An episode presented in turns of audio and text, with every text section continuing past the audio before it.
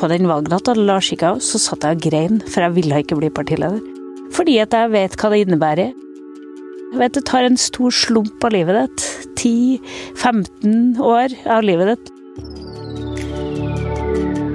I dag får jeg et veldig spennende besøk her i Karrierepodden.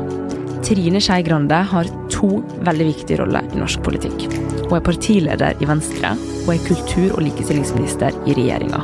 Hvordan er det egentlig å jobbe som toppolitiker når du jobber fra seks om morgenen og gjerne ut hele dagen til det er blitt kveld igjen? Har man noensinne fri fra politikken? Og hvordan håndterer man rykteflom i media og det å bli trua på livet? Det skal vi ta en prat om nå. Hallo, Trine. Hallo! Veldig hyggelig å ha deg her. Det var veldig deilig og avslappende å komme hit nå. Er det masse å gjøre for tida? Masse å gjøre for tida når det er valgkamp. Da er det litt ekstra stress. Hvordan har du det? Har det egentlig ganske bra, da. Jeg elsker jo valgkamp i det at man får treffe folk, og jeg får energi av å treffe folk. Så det å reise og ja, snakke med folk om de tingene de er veldig opptatt av, kjenner jeg jo at jeg får energi av. Skal du tappe meg for energi, så må du stenge meg inn på et kontor og ja. Så det er det fine med valgkamp. Men du Trine, når du var yngre, så brukte du å se på nyhetene med mammaen din. Mhm. Og du skjønte ikke alltid hva som ble sagt, så mammaen din måtte forklare for deg. Mhm. Hvor gammel var du når du først interesserte deg for politikk? Det har jeg ikke noe sånn minne om. Eh, jeg vokste opp i en veldig sånn politisk heim. Det var ikke alltid mamma stemte. Pappa tror jeg alltid stemte, men mamma var av og til så irritert på alle at hun ikke gidda. Eh, men eh, Så jeg kan ikke huske på noe annet enn at politikk var noe vi diskuterte alltid. Mm. At nyhetssendingene var det viktig å se. Det var litt sånn høytidsstemning. Eh, Og at mamma brukte ganske mye tid på å forklare nyhetene. Forklare de vanskelige ordene og ja, snakke om eh, ja, debrife litt etterpå. Da. Spesielt man har sett litt skumle og ekle ting. Mm. Sånn at man skulle skjønne det. Mm. Hvem var du i skolegården? Nei, jeg tror jeg var en kjemperar liten unge. For det første så vokste jeg opp nesten uten noen jevnaldrende rundt. Så jeg gikk sammen med veldig mye gamle folk da jeg var lita. Er det fordi at du kommer fra ei bygd med Ja, det var langt til nærmeste venner. Ja. Så det, og i alle husene rundt oss bodde pensjonister med masse tid, og som syntes det var veldig gøy når det kom ei lita jente på besøk. Så jeg baka og gikk på skogturer og plukka bær og ja, rydda i hagen og var med på mye. Også på nyhetene. Var med på mye som de voksne gjorde, men hadde kanskje ikke så mye barnetid. Og det blir man litt rar av. Men kunne man på den tida se at uh, du var en kommende minister og partileder? Nei, men jeg husker på at barneskolelæreren min sa en gang at du, Trine, kommer til å havne på Stortinget, du. Oi! Og det syns jeg var det teiteste han hadde sagt. For jeg var jo for Venstre. Og det var jo et såpass lite parti at det, dem som satt på Stortinget der akkurat da, var to stykker. Det var Odd Einar Dørum og Hans Hammond Rossbakk. Og så trodde han at jeg skulle bli en av de to, liksom. Men hvor gammel var du da, når du fikk det fortalt av læreren din? Nei, jeg tippa jeg gikk i femteklassen eller et eller annet sånt. Jeg husker på at jeg syntes jeg var veldig rar. For du var 13 år da du meldte deg inn i Unge Venstre. Ja. Har du, har du noen gang holdt, med holdt deg til et annet parti, eller har du alltid, alltid vært eh, en soleklar eh, venstrepolitiker? når jeg var i den alderen, så bestilte jeg mange partiprogram. Mm. Og så leste jeg dem som jeg trodde jeg var kanskje mest enig med. Og så hadde jeg en søster som var med i Unge Venstre. Og mammaen min kommer fra venstrefamilie fra langt tilbake. Mm. Eh, Så derfor så var Venstre en av de jeg leste. Og så var det mye kule venstrefolk i min hjemkommune. Mange av de lærerne som jeg syntes var gode lærere, de var venstrelærere. Det alt dette påvirka sikkert valget, så jeg har liksom aldri tenkt på noe annet. Og så er det det å være liberaler. Det å være sånn Det å Jeg er ikke sosialist. Jeg er ikke konservativ. Jeg føler at de verdiene som handler om enkeltmenneskets frihet og hele den historien som liberalismen har vært i. da. Mm. Den ideologien som aldri har driti seg ut og bygd konsentrasjonsleirer og laga diktatorer, liksom. Det føler jeg det er en passer med sjela mi, da. Men hva, hva var det du gjorde som i femte klasse skilte seg ut? Som gjorde at læreren kunne Læreren din kunne forutse deg på Stortinget? Nei, det må du nesten spørre han om. Men vi var en veldig Hele min klasse var en veldig organisert klasse som Vi hadde demonstrasjoner for å få lov til å få bruke nye lekestativ. Vi eh, hadde demonstrasjon fordi at eh, når jeg gikk på skolen, så var det bare gutter som fikk sparke fotball. Og det vi gjorde da, var at vi jentene Er organiserte oss. Sprang Nå høres jeg veldig gammel ut, for det syns sikkert mange høres veldig gammel ut. Så sprang vi ut på banen, og så sparka vi ballen så langt vi klarte bort av banen. Og etter en stund så syntes guttene det var så kjipt at da fikk vi lov til å være med. Men Var det skoleregler? At dere ikke fikk lov til å Nei, jeg, jeg husker at lærerne syntes at det var veldig bøllete når vi jentene kom og krevde at vi òg skulle være med og sparke fotball. Tenk det. Så ja. Du jobba som frilansjournalist i lokalavisa da du var 15 år. Og da du var 20, så jobba du som lærer ved en barneskole. Du slår meg som ei veldig ambisiøs dame. Hva Nei. Det er jeg faktisk ikke. Alle liksom tror at når du Veldig mange av de valgene som, eh, som har forma livet mitt, er mye mer tilfeldige enn man tror. Ok. Eh, Jeg prøver alltid, og det er sånn oppriktig prøver jeg å gjøre en god jobb. Det tror jeg alltid jeg har som mål. Men at det liksom handler om ambisiøst til neste trinn, det, det stemmer ikke. Men hva var karrieremålet ditt da du var ung? Da du var 20 år gammel? Nei, da hadde aldri noen sånn yrkesdrøm, men jeg hadde ganske mange fag som jeg syntes var gøy. Det var gøy med historie, det var gøy med samfunnsfag. Ja. Så jeg tenkte alltid at hvis de, jeg forfulgte de gøye fagene, og liksom tok dem videre, og kanskje på universitetet og sånt, så må jeg til slutt få en jobb som er gøy. Mm. Eh, Det er det eneste prinsippet jeg hadde på skolen. Eh, og jeg var jo russ et år der, du, var- der det var åpne studier. De fleste studier var åpne, så hadde du bestått videregående. Så kunne du gå inn på de aller fleste studiene. Det var bare legestudiet og noen få som Så- var lukka. Så det var ikke eh, Eller hva med poeng? Nei, du, alle studiene var åpne, så du kan bare melde deg på det faget du ønska hvis du hadde et artium i bunnen. Å ja. Uh, Samme egentlig hva karakterer du hadde, da? ja. Oi. Og det det, det førte til, var jo at sjøl gjennom videregående så man skulle liksom stå i alle fagene, men det var noen fag som du syntes var gøy, som du jobba mye med, og så var det noen fag som ikke ble så viktig.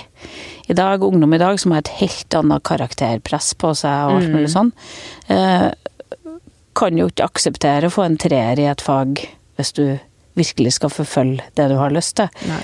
Mens vi som er barn av 80-tallet, med åpne studier på universitetet og sånn, vi, vi kunne være litt mer kyniske til å bruke tid på det vi syntes var gøy. Men du, den første avisartikkelen som nevner deg som politiker, er fra 1990. Det er 29 år siden. Så du har vært aktiv lenge. Ja. Hvordan var det du begynte som, å jobbe som politiker? Nei, det er det jeg føler at det var liksom tilfeldigheter hele tida. Jeg stilte valg til, fylke, stilte valg til kommunestyret, sto litt ned på lista, ble førstevara når jeg var 17. Så, 17 år? ja. Så ung? Så satt jeg, stilte jeg til valg til fylkestinget, og så var han, da var jeg andrekandidat. Eh, og han som var førstekandidat, ble sjuk. Så ble jeg liksom kasta inn, i- inn i det, og så flytta jeg til Oslo. Eh, og da hadde Venstre 1,4 ved valget i Oslo, og jeg var liksom den eneste som gidda å stå på høyt opp på lista eh, for Venstre. Eh, og så gjorde Hvorfor vi det. det? Nei, da lå partiet litt nede i Oslo. Det var litt vanskelig å motivere folk til å være med. Mm. Og så klarte vi å snu trenden. Klarte å øke medlemstallet fra 300 opp til 2000, og vi klarte å gå fra 1,4 da til 8-9 i Oslo.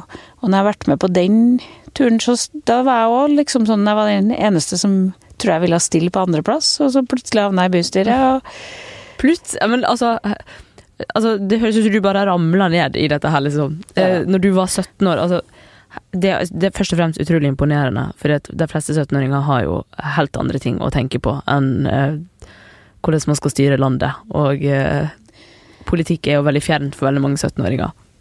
Ja, men det har alltid syntes det har vært kjempegøy. Mm. Og det, det, det I dag òg, så er nesten hver dag jeg stiger opp, så tenker jeg jeg, har en utro, jeg er så heldig som har en så utrolig spennende jobb. Ja. Og jeg lærer noe nytt hver eneste dag. Og du møter fantastisk mye spennende folk. Um, Det er utrolig fascinerende. Jeg tenkte på det nå før du kom, så at jeg bare tenkte en sånn rar tanke at gud, for en alvorlig jobb du har. Det føles det som at du eh, liksom Altså, jeg jobber i underholdningsbransjen, og du gjør så viktige voksne ting hver dag. ja, men man, det fine med politikken er at du gjør ikke det alene. Altså, du har en jobb som er mye mer alene. Ja. Ehm, Jeg har en jobb som er en gjeng. ikke sant? Det er et parti, det er en organisasjon. Jeg representerer ikke meg sjøl. Jeg representerer Venstre, og jeg representerer en regjering, et kollegium. Herregud, så gøy. Så det er, en, det er en helt annen følelse, det å være noe for deg sjøl, kontra det vi, vi har da, i det fellesskapet som heter et politisk parti. Og Det kan man være uenig og enig og sånn, men, men likevel så er det et fellesskap. Og du representerer ikke deg sjøl. Du skal ikke bygge imaget Trine, liksom. Nei. Eh, Det bryr jeg ikke meg noe om. Eh, Men du skal ivareta det fellesskapet som er bygd gjennom et politisk parti, en ideologi og et program, da. Men hvordan var det da du flytta til Oslo og eh, var med på å bygge opp Venstre? Um, hvordan var det å være ung kvinnelig politiker den gang? Noe var verre, og noe bedre. Hva var verre? Det som eh, vel var verre, var at du måtte akseptere mye mer eh, av det etablerte når det gjelder hersketeknikker. Eh, altså det er sånne opplevelser som sikkert unge jenter i dag ikke tror det går an å oppleve. Mm. Men det som er verre for mange unge jenter i politikken i dag, er jo kommentarfelt og mye av det du blir utsatt på sosiale medier, som Syns du det er noe av det verste? Jeg syns det er noe av det verste. Og det, det som jeg er redd for, det er at alle de unge nye i dag ikke skal orke å stå i det.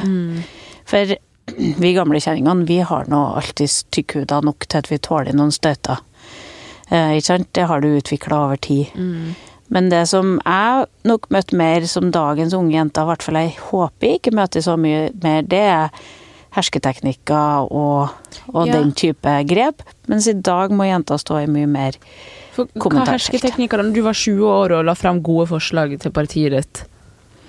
Ja, Hva jeg satt, opplevde å sitte i kommunestyret der eh, når man tok ordet, så satte ordføreren knærne oppå bordet og vippa bakover og leste demonstrativt papirer.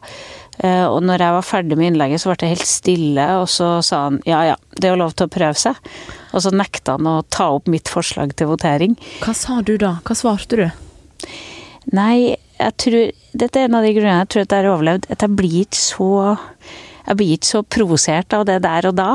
Men når du sitter der og jobber med det her, og du brenner for det her, og det her er dine kampsaker, og du legger fram gode forslag, og så, og så sitter Nei, det andre sitter en, leser i det sitter en gammel kaller fra Senterpartiet og har odelsrett på kommunestyreplassen sin, og så tenker jeg han representerer jo ikke meg, han representerer jo ikke mine velgere. Nei, okay. Folk ser jo hvordan han er, tenker jeg da. Så du ga litt blaffen? Ja, jeg tenkte at eh, ja, jeg tror jeg klarte å gi litt blaffen på mange sånne opplevelser jeg har hatt opp gjennom tiden. Hva er det verste du har opplevd, da, som ung? Har du et minne som var sånn Herregud, det her håper jeg ingen må oppleve. Nei, men jeg- det er ganske mange episoder som i ettertid er litt morsomme, da.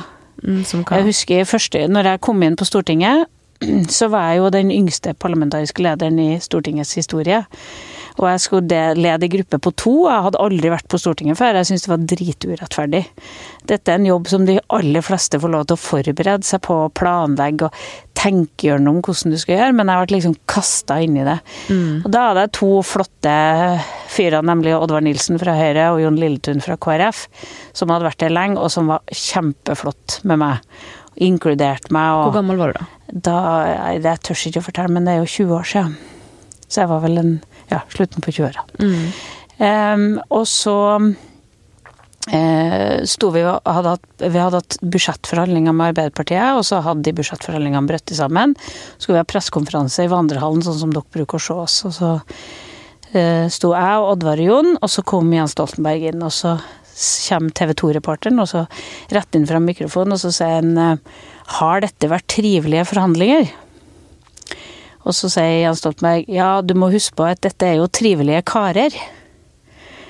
Og så heldigvis så var TV 2-reporteren så oppegående at han tok tilbake mikrofonen og så sa han 'karer'. Og så spurte han Jens Stoltenberg igjen, og så sa han 'å ja, ja, og så Trine', da. Sa han. Og det, Wow. Sånn i ettertid så Og Trine, da. ja, sånn systematisk at man hele tida blir oversett, hele tida blir lata som at man ikke er der. Hva sa du da, eller hva gjorde du? Jeg tenkte at jeg håper den TV 2-reporteren tar vare på det klippet. Og han har leita etter etterpå, men vi har ikke funnet det. Å nei, oh, det skulle vært publisert. Så ja. Hvordan er det du har jobba for å bli toppolitiker? Nei, jeg tror at hvis man bare har som utgangspunkt at man skal prøve å gjøre en best mulig jobb Mm. eh, Sett eh, Ikke sett sånn krav Sett krav til folk rundt deg som det faktisk er mulig for dem å levere på. Mm. Eh, prøve å bygge et lag der man prøver å liksom løfte alle rundt deg, og gi dem rom for å vokse og utvikle seg. Så får du til slutt et lag rundt deg som også er med på å løfte sammen. Men hvordan blir du liksom Hvordan blir du lederen for Venstre? Hvordan, eh, hvordan havner man der? Er det networking? Er det Er det Nei, det handler jo også om å være der på riktig tidspunkt. Ja, hvordan har du blitt det? Eh, Jeg ble det fordi at jeg ble valgt inn på Stortinget på et tidspunkt der Lars Bonheim datt ut av Stortinget. Mm. Og da, skulle, da trakk han seg, og vi skulle velge nytt.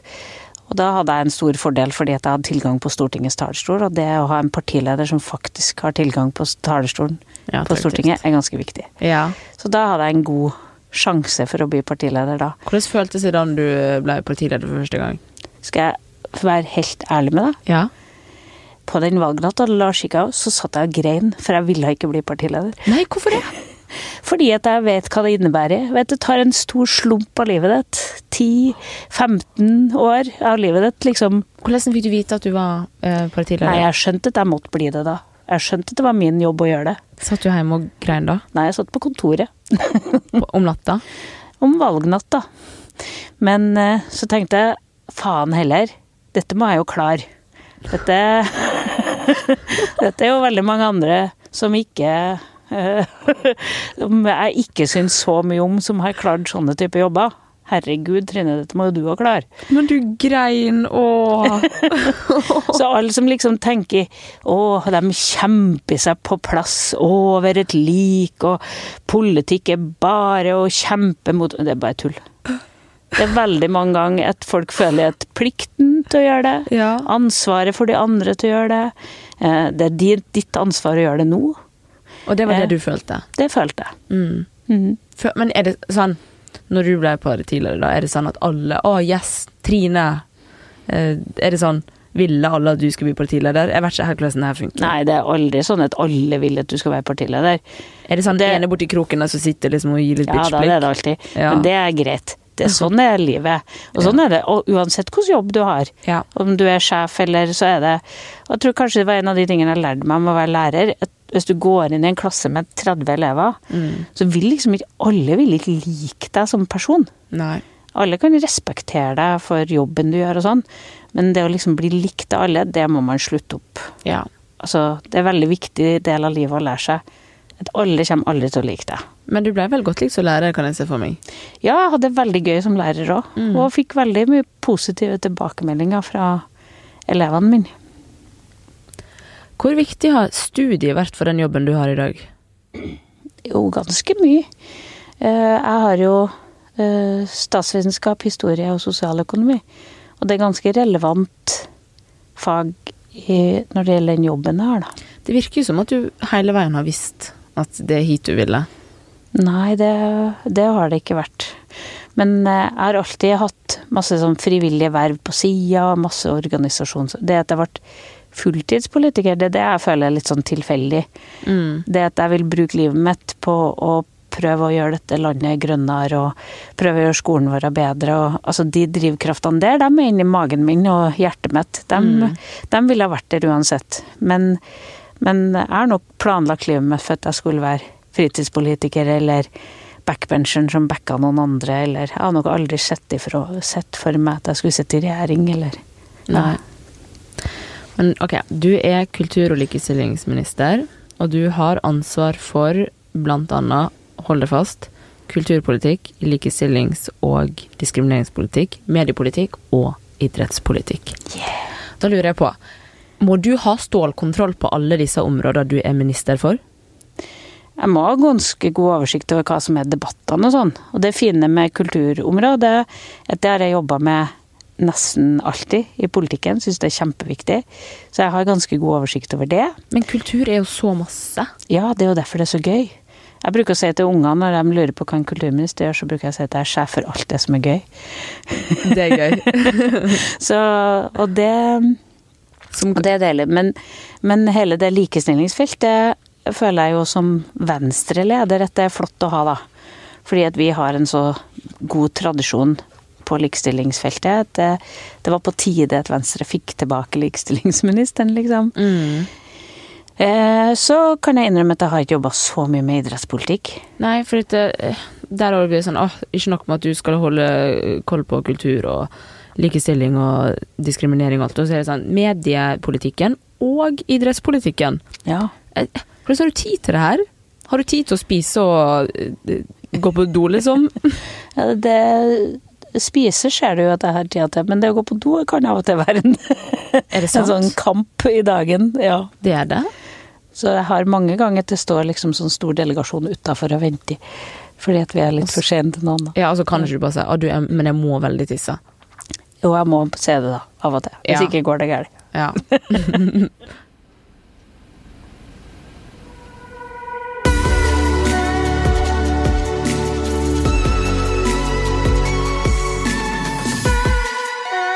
Du kan jo ikke ta ferie. Nei, jeg er skikkelig dårlig på ferie, men det er ikke fordi at jeg ikke kan ta ferie. Det kan de, men jeg er ganske dårlig på å ta ferie. Ja. Ja. Og det er fordi at jeg, hvis det ikke skjer noe, så kjeder jeg meg så fort. Så Du liker at det skjer ting. ja, i sommer så hadde jeg en uke som jeg reiste til Tyrkia, og da hadde jeg avtalt med Penn at jeg spiste middag med en forfatter eller journalist som de hadde jobba med, som eh, var forfulgt i, for sine ytringer i, i På grunn av mangel på ytringsfrihet. ja. Og da lærte jeg Det var flotte samtaler som jeg lærte masse av. Og det var sånn passe blanding. Mm. Ett møte om dagen. Det var det. ja. Var det. ja, det var en fin ferie for deg. Ja. Men jeg ser jo på det som å virkelig brenne for noe som et sånn slags privilegium, nesten. Altså, engasjement er jo ikke gratis. Er det Hender det at du må me mene noe om noe du egentlig ikke har noe formening om? ja, det hender jo ofte at du må øh, jobbe med Også med saker som Men da skal jeg fortelle deg det som er artig. For av og til så begynner du å jobbe med en sak, så tenker du dette har jeg ikke så mye meninger om, eller så stort engasjement i. Mm. Og dess mer du lærer om det temaet, Ja. dess artigere blir det. ja, det Og dess mer interessant blir det, og dess mer meninger har du om det. Å ja. Så, så samme hvordan eh, eh, Jeg bruker eksempelet min statssekretær. da, hun, hun, Når vi kom inn etter Vi har f.eks. alle arkiv og arkivlov og sånn. Og en av de første jobbene hun fikk når vi kom i Kulturdepartementet, var å holde et foredrag for et svært arkivmøte. Mm. Hun hadde aldri jobba med arkivpolitikk og syntes det var kjempevanskelig. Og nå har jeg jobba en del med, og nå er jeg superengasjert i det. Og har masse meninger om hvordan vi skal ha, Og ha god politikk for arkivene våre i Norge, da. Så, og sånn er det. Jeg er helt sikker på at alle mennesker, hvis de setter seg ned og virkelig prøver å skjønne et saksfelt, så vil de synes at det er artig. Mm. Og, og, det, og det hvis man liksom ikke har manglende mang, at man mangler engasjement og sånn. Kanskje man ikke har tatt seg bryet med å virkelig prøve å skjønne noen ting. Jeg mener at hvis du setter deg ned og prøver å skjønne klimautfordringa, så kan du jo ikke gå derifra og ikke Nei. bry deg. Nei.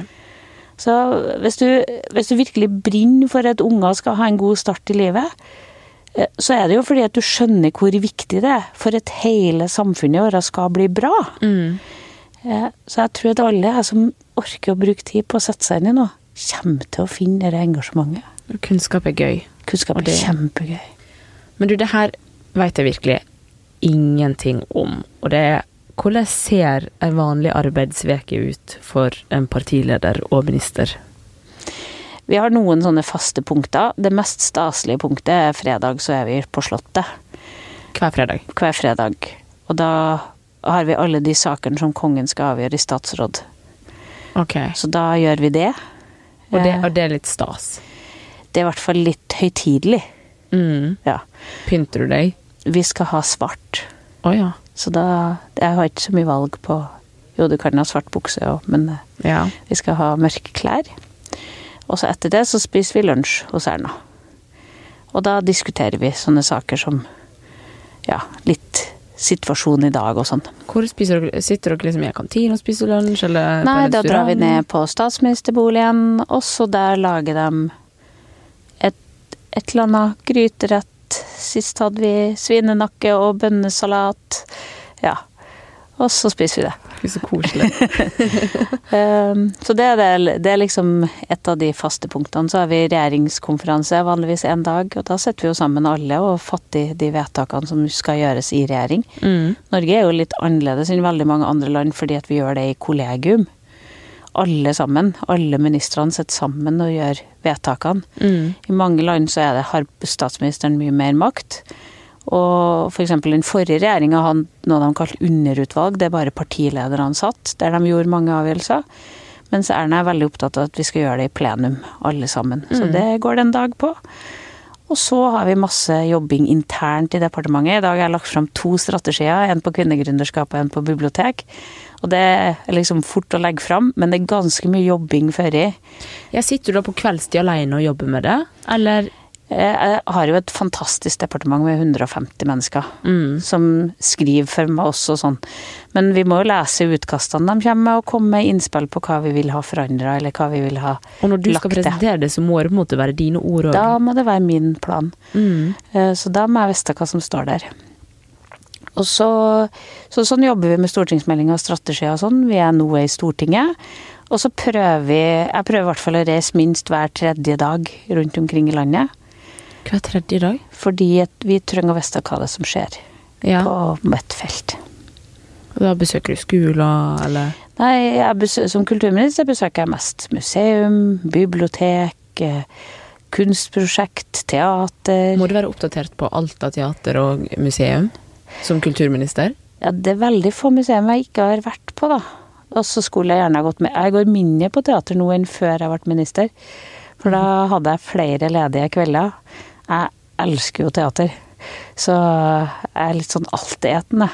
Veldig dårlig teaterkritiker, for jeg syns egentlig alt er kult. Å ja. Ja. det er gøy. Men altså utenfra så virker det som, som at dere òg har veldig mange lange, kjedelige møter. Er det det? Er det vanskelig å liksom holde konsentrasjonen oppe når du sitter i timeslange møter? Nei, men det du lærer er å gjøre litt flere ting samtidig. Så på en R-konferanse så er det Det kan være 80 saker. Mm. Og så er det 80 saker? ja, Vi kan ha 120 og 130 og videre. Men eh, også er det kanskje halvparten av dem er ganske enkle, der vi er enige.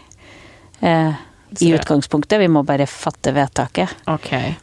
Så da bruker man ikke så mye tid på det man er enig om, og så må man velge ut hvem det er man skal Det er viktig at man vinner. Hvor lenge er disse møtene, da? De begynner vanligvis ved lunsj, og så kanskje varer de til sju, åtte, ni på kvelden. Wow. Dere får litt pause innimellom? Eh, nei, og det er hovedstatsministeren, hun skal ikke engang på do, så det er bare å det, Vi må gå ut av og til, vi andre, men hun er helt eh, Hun har en stayerevne som er helt utrolig. Det er en av de tingene jeg virkelig be- beundrer med At hun bestemmer seg for ikke å gå på do, eller? Nei, det vet jeg ikke om hun gjør, men hun har aldri pauser. Oi. Hun bare jobber, jobber. jobber. jobber. Kanskje hun faster? Før? Jeg vet ikke. Men det er mange ganger jeg har vært så imponert. Vi har sittet med svære regjeringskonferanser med mange, mange, mange mange saker, og hun har eh, akkurat landa med flyet fra USA og rett inn i møtet. Der sitter Og hun. hell i det uendelige uten å bli sliten. Men ehm, jeg så jo det bildet av deg når du spilte Pokémon Go. Jeg Det, syns det var så gøy! det er en av mine Og dette er kjempevanskelig å forklare folk, da. Så når dere på, sto på på det verste, så tenkte jeg jeg gidder ikke å prøve å forklare dem hvordan det er hodet mitt er. Men, jeg, men eh, hvis jeg f.eks. skal sitte og høre på et foredrag, eh, så er det ingenting som gjør meg så konsentrert på det folk sier, som å kunne gjøre et eller annet Tegne kruseduller, eller gjøre et eller annet som holder den Eller fange pokéball. ehm, eller fange Pokémon-baller. Eller lage en kabal, eller et eller annet sånt. Det gjør at jeg hører bedre hva folk sier, fordi at den derre Ja, jeg føler som hodet mitt er delt i to. Og en del er liksom til stede der, og så er det en del som er veldig kreativ og får på masse ideer. Mm. Og hvis jeg ikke holder den i ro, så tar den over. Ja. Ja. Og da tenker jeg på de kreative ideene istedenfor å alt mulig sånn, istedenfor å høre på hva folk sier. Men jeg syns ikke at det er noe ille. Det ble, Jo, men det er veldig vanskelig å forklare folk, for jeg tror for- det vi er litt forskjellige. Og Ja. for dem som er sånn Skal du konsentrere deg, så må du sitte i, og så må du ikke gjøre noe. Hold hendene på bordet, se rett fram og hør på hva folk sier. Og det er eneste måten å være konsentrert på. Men syns du det var flaut når, det, når, det ble, når du ble liksom tatt på det, eller Uh, yes. Jeg tenkte dette Fikk den der følelsen Dette Trine kommer ingen til å forstå hvorfor du gjorde. Og så jeg husker det var ei som var kjempesint på meg, og så sa jeg nå foreslår jeg du går inn, og så ser du hele den høringa. Og så ser du hvem er det som har spørsmål til alle dem som snakker, og jeg har ganske gode spørsmål, eh, og som tydeligvis har fulgt med på hele høringa. Og da fikk jeg en lang mail sånn Nå har jeg sett hele høringa. Unnskyld at jeg sa at du ikke fulgte med. Jeg ser at du var den eneste som stilte spørsmål til alle. Så, Så, du, ja. men så du gjorde jobben din? Jeg gjorde jobben min, men det er veldig vanskelig å forklare. Så til slutt så ga jeg opp å prøve å forklare folk. Men tør du å spille Pokémon Nei, jeg tør jo knapt nok å gjøre det hvis noen ser meg. Men, eh, men eh, jeg syns fortsatt det er gøy. Jeg har aldri spilt det før, faktisk. Kunne du noen gang tenkt deg å hatt en vanlig jobb? Jeg håper jo at jeg får det en gang. Som hva da? Å være lærer? Uh, ja Nå tror jeg det er mye større krav til å være lærer. Jeg har ikke noe ped, så det måtte jeg ha tatt da, hvis jeg skulle Mm. gått tilbake og være lærer. Mm. Men er det, ja, er det, lengter du etter en vanlig jobb? En vanlig jobb hver dag? Eh, jeg syns ikke jeg skal klage over det livet jeg har nå. Men jeg vet jo at det varer jo ikke Du er jo ikke statsråd evig. Det er jo en bitte, bitte liten del av livet ditt. Så man må jo, eh, må jo tenke at det hadde vært gøy å gjøre noe annet. Så det er en ting jeg har tenkt at det hadde vært gøy å være, er Oslo-guide. Oslo Guide? Jeg elsker jo dere byen, og så mener jeg at jeg kan ganske mye om den. Og så syns jeg at det å vise byen fram til andre Så jeg lurer på om jeg skal ta sånn eh, sertifikat som Oslo-guide når jeg blir ferdig. Sånn som står på disse bussene? Ja. Det har passa meg helt ypperlig. så gøy. Kjenner du denne byen ut og inn? Jeg kjenner ganske mye av men når du har vært folkevalgt igjen i nesten 30 år, så kjenner jeg ganske mye. Og så er jeg jo historienerd. Jeg syns jo historie er så gøy.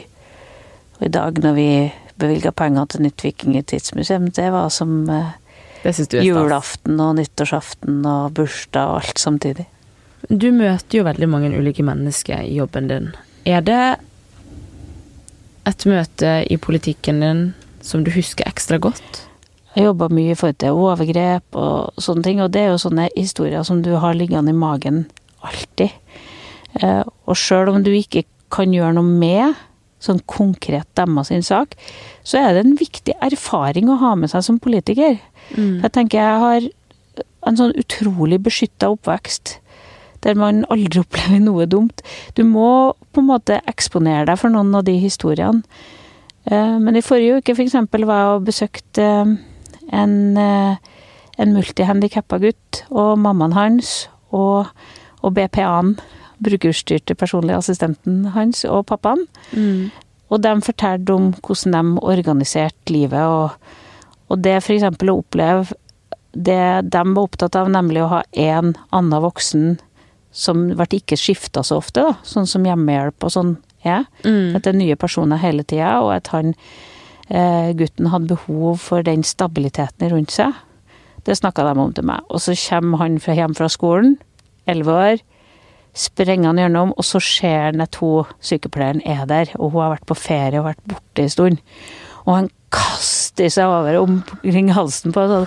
Og bedre bevis på at det mammaen har prøvd å sagt til meg hele tida, at han her gutten trenger stabile voksne rundt seg for å fungere godt. At de ikke går på rundgang med Ja. støttekontakten. Det var liksom et superbevis for det da. Wow. Og det er sånne ting som det, Jeg kunne ha lest det i en rapport, men jeg kunne aldri ha fått den der følelsen som det er å sitte i stua Ja. og se den når den kommer inn, og se hvor glad han blir. Da Marianne var det, liksom. Så, så alle sånne møter setter jo litt preg på det. Mm. Du, jeg samler litt sånne opplevelser. Jeg tror det er sunt som politiker, og sunt når du har ansvar for det som jeg jobber med.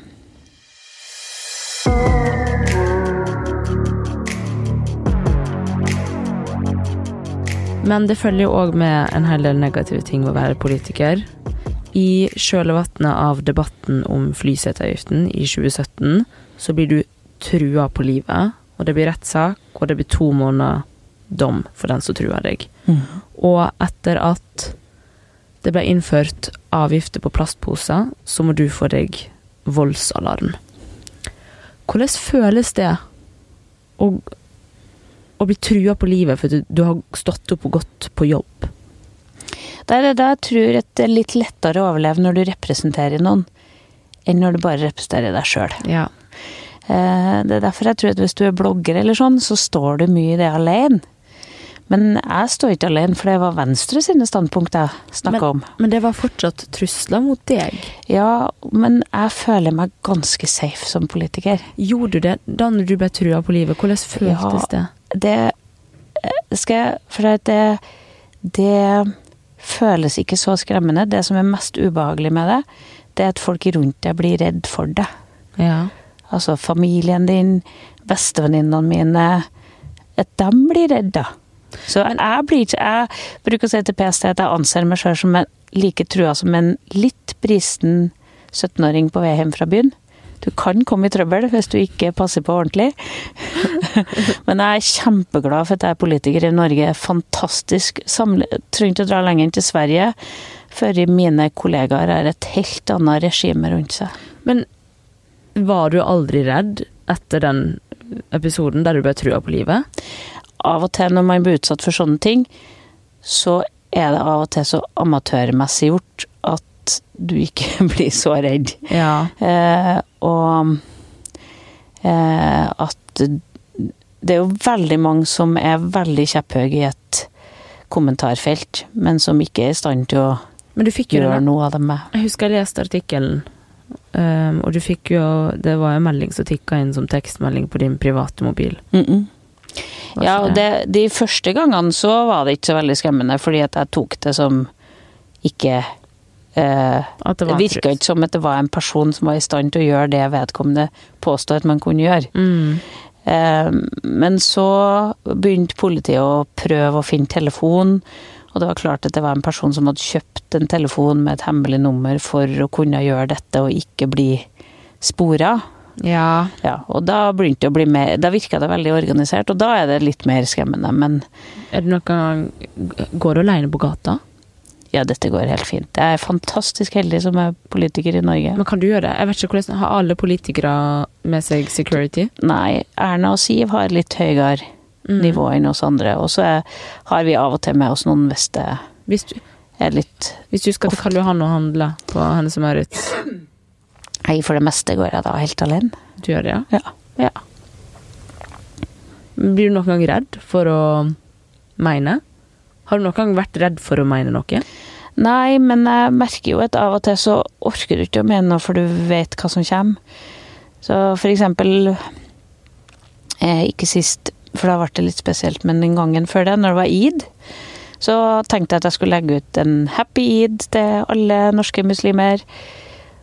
Og så hadde jeg møter hele den kvelden. Og da tenkte jeg det har jeg ikke tid til. For jeg må, da må jeg sitte på den sida, og så må jeg slette kommentarer, jeg må skjule kommentarer, og jeg må redigere sida mi hvis jeg skriver og gratulerer alle norske muslimer med, med sin julaften så må jeg bruke den kvelden på å rydde kommentarfeltet fordi, mitt. For det kommer folk, så mye drit. Fordi folk mener at du har ikke lov til å Nei, jeg mener at, gratulere?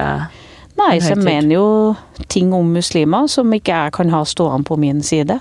Mm. Og da må jeg gjøre en jobb, og da måtte jeg ha tid til å gjøre det, og det hadde jeg ikke. Men er det du som må sitte og renske opp kommentarfelt?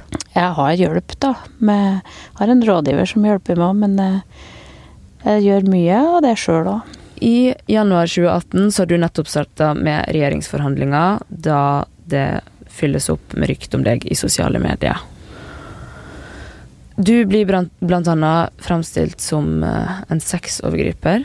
Um, og media er jo som kjent alltid på saken, og det står da at du i 2008, som 38 år og nestleder i Venstre, har hatt sex med en 17-åring på en bryllupsfest. Og saken er på alle forsider og raser i flere måneder. Jeg bare lurer på, hvordan er det å gå på jobb når, når sånn her florerer rundt? Da må man ha fokus på den jobben man skal gjøre.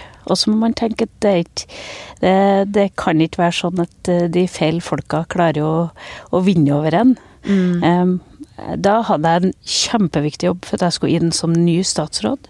Jeg hadde en Jeløya-plattform som jeg var dritfornøyd med. Og tenker jeg dette skal ikke noen få lov til å ødelegge. Så jeg har aldri kommentert den saken. Kommer aldri til å gjøre det heller. Mm. Eh, det er mye jeg skulle kunne ha sagt om det, men eh, jeg prøvde å ha fokus på jobben jeg skulle gjøre, og det klarte jeg. Mm. Det var ikke bort, Hvordan klarer du det, da? Du er jo helt supermenneske som reiser deg uansett hva. Nei, men man må tåle en trøkk i, i, i toppolitikken, og det at folk er ute etter deg fordi at de har andre politiske agendaer, det, det må man også tåle. Mm. Eh, og så tror jeg kanskje media har lært mye av den, det siste året på, på dette feltet. Men sånn, det, når du kommer inn i gangene, da, føler du at du må forklare Eller føler du at det er noe du må snakke om med kollegaer, eller liksom Eller bare beiner du på å gi blaffen? Nei, det er bare å jobbe. Det er bare å jobbe? Ja. ja. Ja, det er inspirerende. Jeg tror på, jeg tror ikke på sykemelding og jeg syns ting er dumt og alt mulig sånn. Jeg tror på å stå opp om morgenen, jobbe seg gjennom ting og ha fokus på den jobben du skal ha gjort. Ikke ikke gi andre lov til å putte fokus for hjernen din bort fra den jobben du virkelig skal gjøre. Men hva er det man tjener på å være politiker? Nei, det, du kan jo det, Du kan jo bli putta i situasjoner du ikke i dine villeste fantasier tror at noen skulle, skulle gjøre. Men, men, det er jo litt det å være menneske, da. Et av og til så blir du Det, det er mange det er mange som i mindre skalaer har blitt utsatt for, for lignende ting, som eh, jeg håper kan lære seg at da gjør du jobben din, og du krummer ryggen og du står på.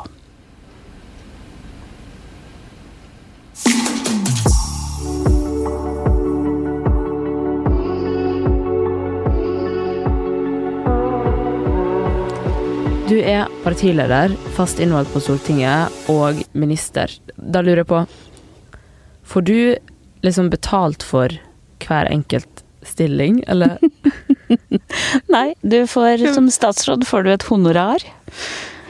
Ok. Eh, så er det samla for alt, da, når du sier statsråd? Ja. Ok, Sender du ut faktura, eller får du innbetalt på konto? Jeg får innbetalt på konto. Du får det? Ja.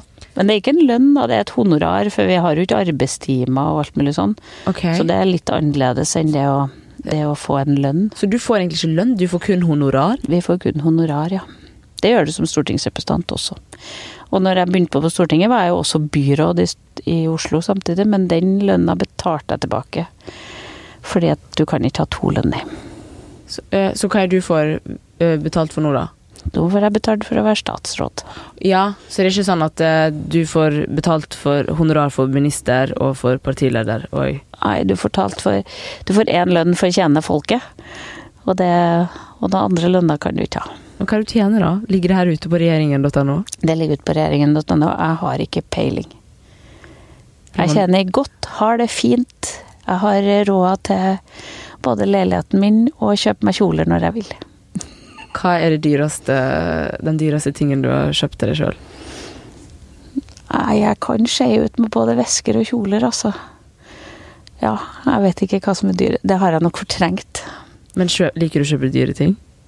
Jeg liker å kjøpe fine ting. Som jo ofte er dyre. Men eh, så eh, jeg har jo et spørsmål her, og det var det jeg lurte veldig på. Har du noen gang forhandlet deg til lønn? For det syns jeg alltid er veldig gøy å snakke om med folk. Ja, Men- nei, det har jeg aldri gjort. Men kan man forhandle fram et større Nei. honorar? Nei, fordi at det i Stortinget så er det en lønnskommisjon Mm. som bestemmer lønna til stortingsrepresentanter, statsråder og statsminister. Og den kan vi ikke gjøre noe med. Den bestemmer Stortinget. Så det, akkurat dette har vært veldig heldig. For jeg tror at jeg er en elendig lønnsforelder. Det er en av de tingene jeg gruer meg til når jeg skal slutte med politikken. Å ja. Ja. Tenk den dagen du må begynne å forhandle. Jeg kan, jeg kan jo forhandle, Ja. men å Eller forhandle bare på vegne av meg sjøl, det er noe ganske annet enn å sitte og forhandle på vegne av miljøet eller Venstre eller ja. Ja. Når var du først begynte å tjene penger, tjene penger på politikken? da? Tjente du penger når du var sju år gammel? Nei. Like gammel som meg? Nei, jeg har jo de aller fleste Husker jeg satt i bystyret som vanlig medlem først på begynnelsen på 90-tallet. Og, da tok jeg Jeg har ei bestevenninne som var førskolelærer. Eh, Eller barnehagelærer heter det nå, men da var hun førskolelærer. Så tok vi en måned der jeg rekna alle timene jeg hadde jobba med politikk, og så delte jeg det honoraret på timer. Og så tok hun sine Og da hadde jeg ca. en tredjedel av hennes lønn på de timene jeg hadde brukt på Så, så det er ikke sånn eh, de alle jeg tenker jo at politikere ikke tjener så masse. Uh, det her er en, bare en antakelse jeg har, fordi at jeg tenker sånn ah, Det er veldig mange som sitter på Stortinget, og da, hvis alle skulle hatt tre mill. årslønn, så hadde det blitt veldig masse penger i løpet av et år som staten måtte ha betalt. Ja, nei, de har nok ikke tre mill., men eh, Hvor masse da? 1 mill.? 1,2? 1,3? jeg tror de på Stortinget er sånn jeg, vet- Dette er jeg ikke så veldig god på, men eh, de kjenner nok rundt den bilda, tror jeg, kanskje. Ja. Eh, Men jeg tror at norske politikere tjener bra. Det, skal, det er en vanskelig sånn balansegang mellom å ikke tjene for mye til at det liksom skal være en egen karrierevei, ja. men som ikke tjener så dårlig at alle dem som har godt betalte jobber, tenker det, det er så mye jeg er ikke villig til å ofre for fellesskapet. Mm. Sånn at du ikke får noen som, som har lederjobber eller, eller eh, jobber i andre deler av samfunnet, da. Mm. Eh, Så det må være akkurat den derre miksen. Og så er det, er det jo mange andre friheter man gir fra seg. Så det å ikke ha så mange bekymringer som det å ha dårlig økonomi, er jo også Du får eh, Politikere må du betale litt, men du må ikke betale dem for mye. Ikke betale dem så lite at de blir korrupt, Mm. eller at du bare får de dårlige folka. Men ikke så mye at dette blir en egen karriere. Men hva syns du om at mange av mine kollegaer, bloggkollegaer sikkert sender dobbelt av deg, da? Ja, det gjør de sikkert, men det er Syns du det er rart? Nei da. Samfunnet må være sånn. Jeg tror at politi norske politikere kjenner sånn passe. Ja. Ja. Så vi klager ikke. Hva er det du er aller mest stolt av å ha endra i Norge som politiker? Hvis du kan velge én ting. Jeg tror, da tror jeg har lyst til å si kulturmeldinga mi. For den første meldinga jeg la fram, var en ny kulturmelding. Når var det? Det var i fjor, eh, like før jul. Den heter Kulturens kraft. Og den oppsummerer veldig mye av det jeg mener med kulturpolitikk i en stortingsmelding. Vil du forklare kort hva den handler om? Den handler om at for meg er kunst ytringer. Derfor er det grunnlovsbestemt at vi skal ha ytringsfrihet i Norge. Derfor skal vi legge til rette for kunst og kultur og alle de ytringene som ligger i kunst og kultur. Og det andre poenget er at det er grunnlaget for demokratiet vårt. At vi får uttrykke oss. At vi blir hele mennesker som kan nok om kunst og kultur Mm. til at vi kan delta, ha meninger, kunne slå i bordet, kunne si hva vi liker, og hva vi ikke liker. For meg er det ordet dannelse. Det å vite sjølbevissthet på hva det er du liker og ikke liker, og at du kan nok til at du skal klare deg i samfunnet. Det, og det er liksom Det oppsummerer det grunnen til er politiker, i ett lite hefte som heter Kulturens kraft. Og det, det er en av de produktene jeg er mest fornøyd med. Har du skrevet det sjøl?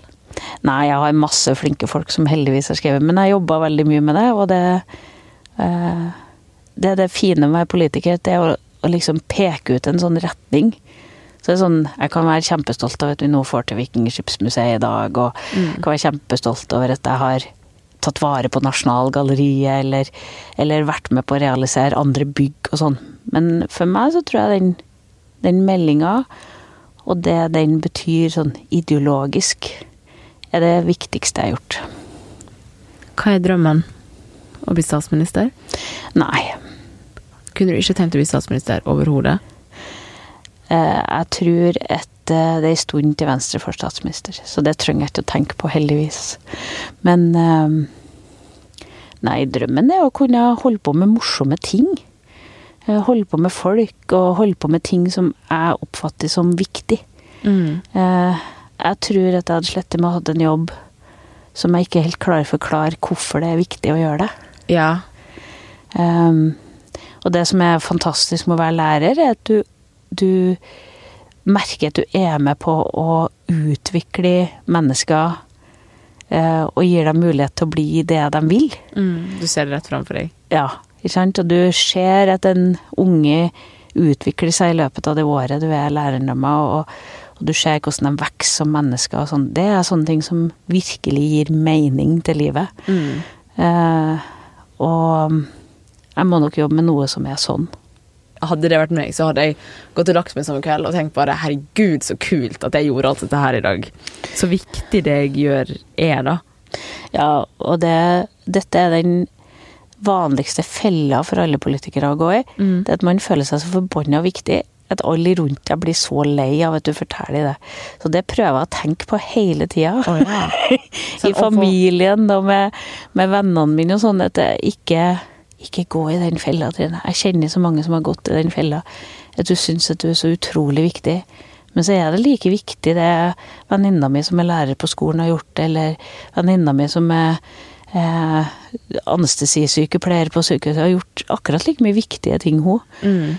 Så jeg tror du kan bli litt rar i hodet hvis du går rundt og tror at du er så sabla viktig sjøl. Men når du går inn dørene på Stortinget, liksom, er det Blir du vant til det noen gang, eller liksom Nei, Det var veldig du skal, skal, du skal ha ærbødighet for Stortinget. mm. Du skal ha ærbødighet for de liksom, institusjonene vi har. Um, jeg er jo veldig lite sånn formell og syns det er veldig deilig når de i departementet ikke kaller meg statsråden, men faktisk kaller meg Trine. Men jeg syns det er viktig å si statsminister i første innlegg i regjeringslunsjen, og ikke Erna. Syns det Hva kaller deg? Nei, jeg håper de kaller meg Trine. Men jeg merker at mange kaller meg statsråden. Statsråden? Ja, for det er rollen min. Å ja. Statsråden. Er, ikke det, er det flere? Det, jeg, har ikke mitt departement, ja, det er bare meg, men, men jeg har brukt lang tid de første dagene på Når noen snakka om statsråden, jeg lurer på hvem farsken det var. Ja, men Jeg innså at det var meg. skal, skal det være en kaffe, statsråden? Er det sånn? Ja, det er mer litt sånn i begynnelsen. Så jeg prøver jo å si at det går helt fint med Trine. Trine er fint, det. Når er det vi kan se deg som Oslo-guide? Det lurer jeg på. Nei, Jeg håper at det tar noen år til, da. Jeg har ganske mye jeg skal ha gjort. Du har lyst til å endre landet litt til? Ja, det feltet jeg jobber med på Kultur-Norge, tror jeg hadde trengt noen år til. Hva er ditt aller, aller beste tips til de som sitter her og lytter nå, og har lyst til å lykkes med drømmene sine? Forfølg det du syns er gøy. Gjør det Finn det som er dine interesser, og så gjør det ordentlig. Prøv å gjøre en ordentlig jobb hele tida. Men uh, hele tida prøv å forfølge det som er gøy. Finn et fag du syns er gøy, så vil du ende med en jobb du syns er gøy. Um, finn den der indre drivkraften som gjør at du orker å holde på med noe. Og ikke la andre få bestemme om det er en yrkesvei. Om, det, om du er gaming du er god på, eller om det er matte, eller om du er kjempegod på mote, eller samme hva det er. Du kan faktisk være med å skape en jobb, bare du blir skikkelig god på et eller annet. Og så mener jeg at alle mennesker, uansett hva som skjer, så er de gode på noe. Og poenget med en karriere er å finne ut hva er det akkurat jeg kan bli best på. Og hvis alle gjør det, prøver å finne ut det der, så tror jeg at alle ender med en jobb de liker, og en karriere de trives med å vokse i. Tusen hjertelig takk for besøket. Takk for at jeg fikk komme. Statsråden Nei, kalle det Trine. Det var veldig hyggelig. I like måte.